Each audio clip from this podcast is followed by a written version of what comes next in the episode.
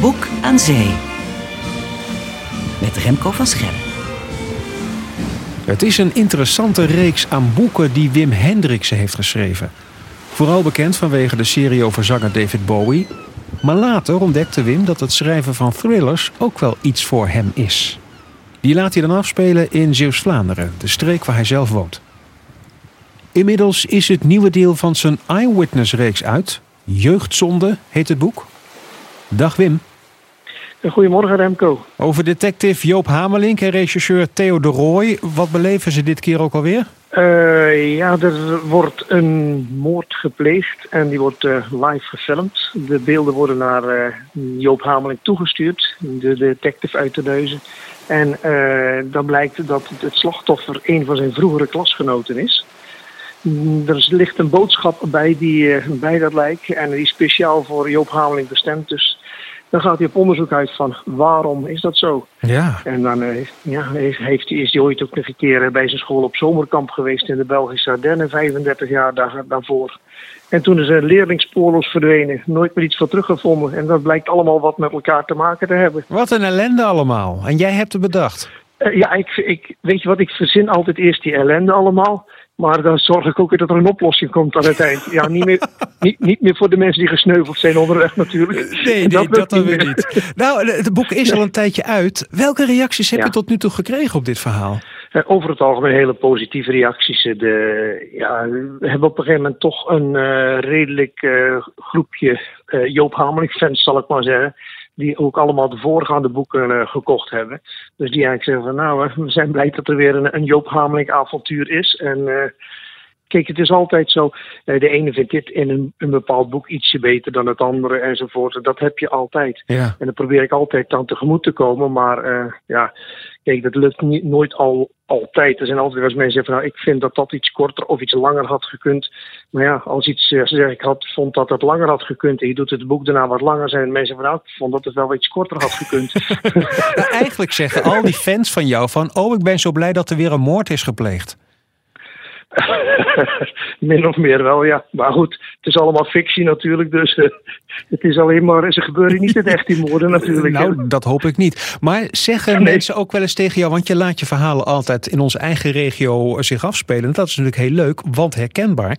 Maar zeggen mensen dan ook wel eens tegen jou van, oh, daar heb je nog een steegje waar je goed een moord kunt laten plegen in jouw verhaal? Uh, nou, dat niet zo specifiek, maar uh, ja, het gebeurt wel regelmatig dat mensen zeggen van nou, goh, ik zou het leuk vinden als uh, dat of dat ook voorkomt in een volgend boek. En dan probeer ik daar wel tegemoet aan te komen.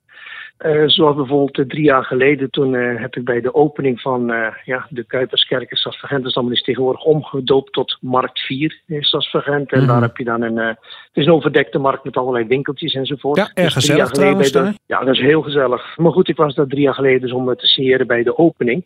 En dat was een hele drukke dag. En toen had ik honderd boeken ter promotie meegenomen die ik tegen een speciale prijs mocht verkopen die dag. Nou, die waren ook weg eind van de middag. Dus dat was echt leuk aan het tafeltje. Maar toen zei de, de marktmeester tegen mij van nou, uh, jij hebt uh, zulke goede zaken gedaan vandaag. Zoveel mensen gezien, zegt hij, ik verwacht wel dat Markt 4 in Stadsvergent in je volgende boek voorkomt. dus ja, dat heb, dat heb ik toen gedaan. Dus uh, in de jeugdzonde komt de Markt 4 in Stadsvergent voor. Ja, ah, zo werkt het dus. Maar hoe verzin je inderdaad de verhalen? Want je vertelde net ja, dat je eerst inderdaad de verhaallijnen verzint en dan komt dat uiteindelijk allemaal samen. is dat een makkelijk proces voor jou of moet je er echt toe aanzetten van nou, nu moet ik toch weer eventjes een moord verzinnen? Uh, nou, de ene keer gaat het eigenlijk heel vlot en de andere keer dan, dan duurt het wat langer. De verhalen van jeugdzonde ging eigenlijk heel snel. Terwijl ik mijn vorige boek aan het promoten was, toen was ik uh, eigenlijk al bezig met, uh, met jeugdzonde. Maar toen had ik de verhalen nog niet helemaal. En toen op een gegeven moment kwam ineens dat idee van... hé, hey, laten we die school erbij halen. de MAVO, de brandingen te neuzen, die heeft echt bestaan is alleen al jaren geleden afgebroken, maar die heeft wel echt bestaan. Ik denk, nou, dat is leuk, uh, mensen kennen dat. Mm -hmm. En heel veel leerlingen die erop staan, zijn ook allemaal naar die zomerkampen geweest in de Belgische Ardennen destijds. Ik denk, nou, dan halen we dat kamp er ook bij. Dan heb je weer een uh, ja, stukje herkenbaarheid. Ja. En Ja, ik, ik moet zeggen, ik heb zelf ook op die school gezeten. Ik ben ook best wel kamp mee geweest. Dus dat beschrijft dan wel heel makkelijk natuurlijk. Je, ja, je ziet zo voor je hoe dat, uh, die school er toen uitzag en, uh, en de omgeving van dat kamp enzovoort. Dus dat soort dingen kun je dan best wel vrij gemakkelijk omschrijven. Maar wil je dan ook dat alles inderdaad klopt, uh, historisch gezien? Of als je binnenkomt in een school en waar misschien in het echt een heel klein gangetje was, daar kom je opeens binnen in een hele grote zaal? Of, of wil je dat het wel echt klopt ook? Uh, nou, het moet wel zo goed mogelijk kloppen. De locatie, natuurlijk mensen kennen die. Dus ja, je kan moeilijk gaan schrijven als je ergens binnenkomt. Uh, dat is echt een smal gangetje. En dan blijkt dan ineens een zaal te zijn die achter die deur zit. Dan zeggen mensen, hé, hey, dat klopt iets niet. Hè. Ik, uh, ik, verzin hier en daar wel eens een gebouw bij natuurlijk. Dat, dat doe ik wel als dat beter uitkomt. Of ik plaats iets in een andere tijd. Dat, dat gebeurt ook. Maar, uh, dus ja, het zal nooit 100% kloppen, maar uh, probeer er wel zo dicht mogelijk bij te blijven. Maar uh, als jij dan in een streek loopt of fietst, of weet ik hoe je jezelf vervoert, kijk je dan ook altijd van, maar, maar, dit is wel een mooie plek waar ik iets mee kan in een boek? soms wel. Een aantal locaties komen altijd weer terug in een boek, want ja Zeeuws-Vlaanderen is Zeeuws-Vlaanderen, dus die, uh, ja, die plaatsen die zijn er gewoon. Alleen ik probeer dan wel natuurlijk uh, de, een beetje bij de actualiteit ook aan te haken. Als, uh, net als mijn vorige boek, toen waren ze begonnen met de aanleg van de zeesluis in Terneuzen. Dus toen heb ik een stukje zich af laten spelen bij het graafwerk bij de in Terneuzen. Ja. Dat het toch een beetje actueel blijft. En ja, over tien jaar is het ook niet meer actueel natuurlijk, maar ja, ja het gaat er vooral om dat mensen de eerstkomende jaren de boeken kopen, dan is het in ieder geval nog actueel ook. Hè. Ja, dat is een deel weer hè, waar, je dan, waar we het nu over hebben uit de Eyewitness-reeks. Ik ben even de tel kwijt. Hoeveel boeken heb je ondertussen van deze detective en regisseur? Uh, het is nou, in totaal is het mijn veertiende boek, maar uh, het is uh, de laatste vier boeken daarvan dat zijn dan thrillers, eyewitness thrillers. En dan is dus de vierde boek nu achter elkaar waar die speurder Joop Hameling in voorkomt. En zijn, uh, zijn vriend, de Teneuse regisseur Theo de Roy. En uh, ja, wie weet, er komen er misschien nog wel een paar in de reeks. Zolang mensen leuk blijven vinden, blijf ik schrijven. En het thriller genre Noordzat?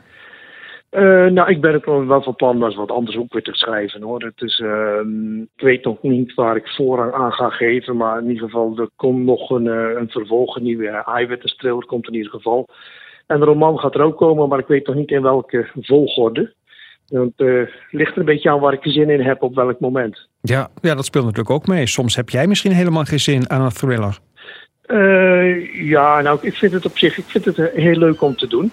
Maar uh, dan denk ik bij mezelf, misschien is het ook goed om even tussendoor ook eens even weer iets anders te schrijven. Om weer dat frisse ernaar te kijken. Ja. Dat dingen niet te automatisch gaan. Ja, anders ga je jezelf misschien te vlug herhalen als het uh, ja, als je al een beetje als automatisme gaat schrijven sommige stukjes. En dat is natuurlijk niet de bedoeling. De gegevens van dit boek aan zee. Titel Jeugdzonde. Geschreven door Wim Hendriksen. En de gegevens staan natuurlijk ook op boekaanzee.nl. Op die website kun je ook laten weten of jij een boek schrijft. Klik even op het linkje, want dat wil ik graag weten. Misschien kan ik jou een keertje spreken hier.